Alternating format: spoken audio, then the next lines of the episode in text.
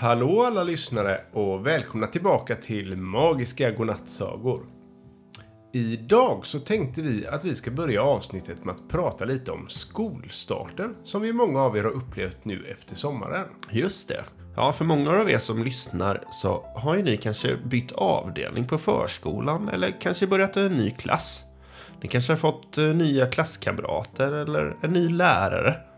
Eller kanske till och med bytt till en helt ny skola eller en ny förskola. Det kan ju vara både lite spännande och också lite läskigt. Ja, absolut. Jag kommer faktiskt ihåg när jag började ettan själv. Det var ju lite pirrigt med allt nytt, men också väldigt roligt att lära känna nya vänner. Några av mina bästa kompisar som eh, jag känner nu lärde jag faktiskt känna redan i ettan. Det låter ju jättefint. Och även om det är så att man känner sig lite blyg i början så brukar det faktiskt gå över efter ett tag när man har lärt känna de andra. Så ge det lite tid bara. Ja, bra tips Tobbe. Men nu får vi väl gå vidare och kika till Aida också. Ja, undrar om hon har gått i skolan. Ja, eh, har du det Aida? Nej, det har jag tyvärr inte. Men det verkar ju kul med förskola och sådär. Tänk om jag hade kunnat gå på en avdelning med massor av andra AI-assistenter. Det hade jag tyckt var skoj. Ja, vi kanske får ta och skriva in Aida på förskolan. Om det är någon som går i en förskola eller en skolklass så får ni gärna skicka in ett önskemål tillsammans med era klasskompisar till mig. Eller om ni har någon fråga eller så. Just det. Ja, det är det ju några klasser som har gjort faktiskt. Eh, Det tycker vi är väldigt skojigt, så eh, kolla gärna med era fröknar eller pedagoger så kan de säkert hjälpa er att skicka in. Men nu är det jag som ska vara pedagog. Idag ska ni få lära er om en väldigt bra och känd författare. Oj, spännande. Undrar vem det kan vara. Ni ska få lära er om Astrid Lindgren. Jag skriver ut faktan här.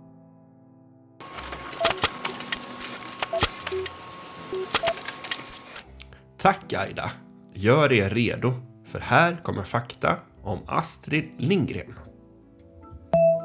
Astrid Lindgren föddes den 14 november 1907 på en gård som heter Näs i Småland. Hon hade tre syskon som hon lekte mycket med. När Astrid var 18 år så fick hon ett barn som hette Lars, men hon var inte gift med hans pappa. Hon flyttade till Stockholm och jobbade som sekreterare. Senare så gifte hon sig med en man som hette Sture Lindgren och de fick en dotter som hette Karin. Astrid Lindgren började skriva böcker när hennes dotter Karin var sjuk och önskade sig en saga om Pippi Långstrump. Astrid Lindgren skrev ner historien och skickade in den till ett förlag, men de tyckte inte om den. Men hon gav inte upp utan skrev fler böcker, bland annat om Britt-Marie och Kalle Blomkvist. Och till slut så vann hon ett pris för sin bok om Pippi Långstrump och då blev hon känd som författare. Astrid Lindgren skrev över 70 böcker för både barn och vuxna. Många av hennes böcker handlar om starka och modiga barn som har roliga äventyr. Till exempel Emil i Lönneberga, Ronja Rövardotter, Bröderna Lejonhjärta och Karlsson på taket. Astrid skrev också om djur, sagor, spänning och humor. Hennes böcker har sålts över 165 miljoner exemplar och har översatts till över 100 språk. Astrid tyckte att det var viktigt att barn har det bra och att de fick leka och fantisera. Så hon engagerade sig för barns rättigheter och var med och startade Barnens dagfonden som ger pengar till olika projekt för barn i hela världen. Astrid Lindgren dog den 28 januari 2002 och då var hon 94 år gammal. Hon begravdes på Norra begravningsplatsen i Stockholm där många människor kom för att ta farväl av henne. Hon har fått flera minnesmärken runt om i Sverige. Till exempel statyer, parker och museer. Tack för den faktan Aida. Vilken superförfattare hon var Astrid. Tänk om Aidas historier kan bli lika populära som Emil, Ronja, Karlsson på taket och alla de andra. Ja, det hade ju varit något. På tal om Aidas historier. Nu tycker jag faktiskt att det är dags att vi går vidare till eh, kvällens efterlängtade saga. Har du fått in något kul, spännande önskemål Tobbe? Jajamän! Idag så har vi fått ett önskemål Eh, Och det är via ett röstmeddelande från Ture, sju år, som bor i Göteborg. Vi tar och lyssnar. Hej, jag heter Ture och, och jag är sju år. Jag vill höra en saga om en pingvin som ska äta en fisk. Men den ska vara dynamit så den ska explodera och då ska den hamna i en ishall och sedan ska isen spricka och den, ham- den ska hamna mitt i Göteborg. Ja, pingvinen ska alltså explodera. Det lät ju som ett eh, explosivt önskemål, eller vad tycker du Tobbe? Ja, verkligen. Det låter som en spännande saga i alla fall. Eh, kan inte du fixa den till oss Aida? Ja, den skriver jag ner direkt. Här kommer den.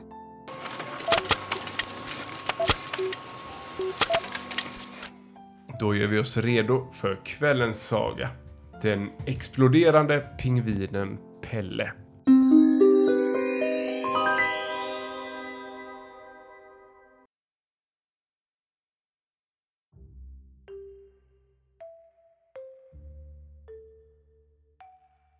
Det var en gång en liten nyfiken pingvinpojke som hette Pelle. Han bodde tillsammans med sina föräldrar och tusentals andra pingviner i en enorm koloni långt nere i Antarktis. Varje morgon brukade Pelle vakna tidigt och springa iväg till en stor isklippa nära kolonin.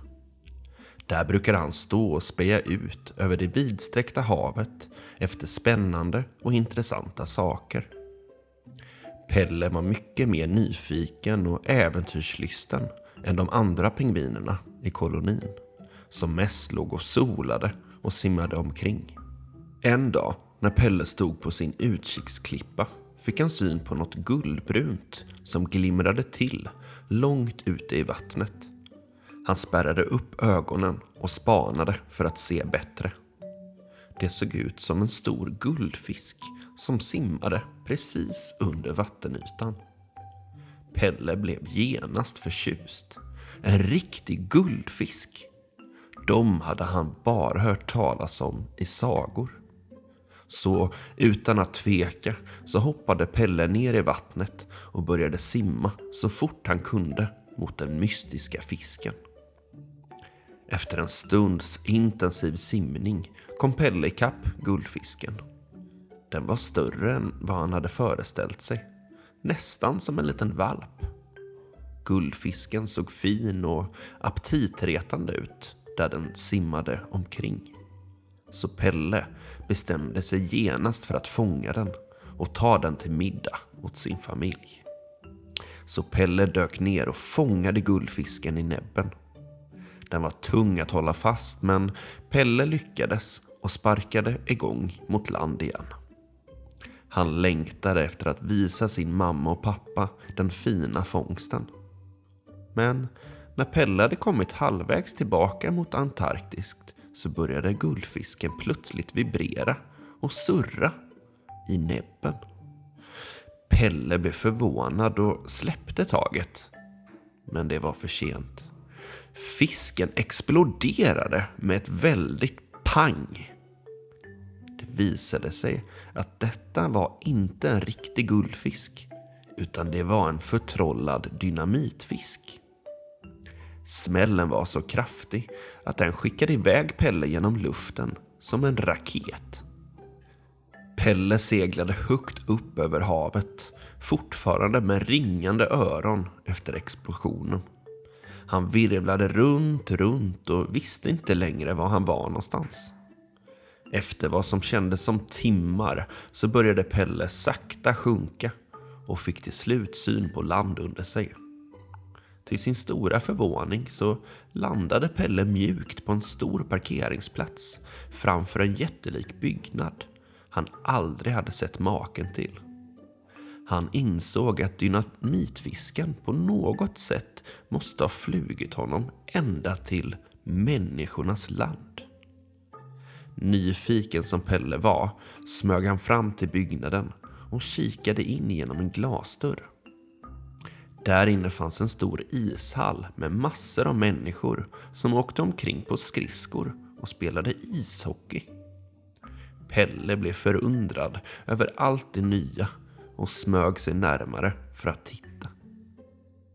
Efter att ha tittat på ett tag kände Pelle att han också ville prova på att åka skridskor. Så när ingen såg smög han sig ut på isen och började långsamt glida fram. Det var svårare än vad det såg ut.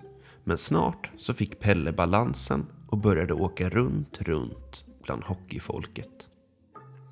Publiken började lägga märke till den skickliga lilla pingvinen på skridskor och började heja på honom.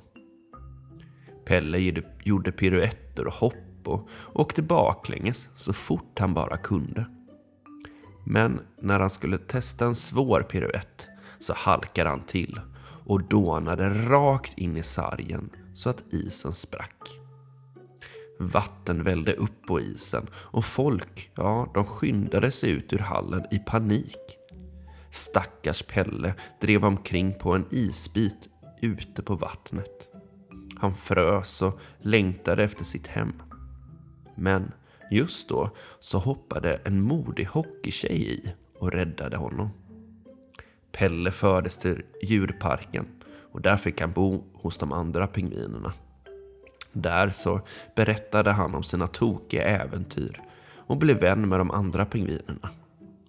Och efter några veckor så ordnades en flygtransport tillbaka till Antarktis. Äntligen var Pelle på väg hem. Han lovade sig själv att aldrig mer äta på en guldfisk. Och han levde lycklig med sin familj och vänner resten av sitt liv.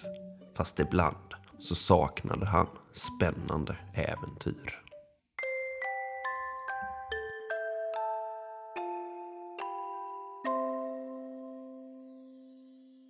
Vilken underhållande och spännande saga det blev. Tack Aida! Ja, tack Aida. Du är verkligen duktig på att ta våra konstiga önskningar från barn och göra roliga sagor av dem.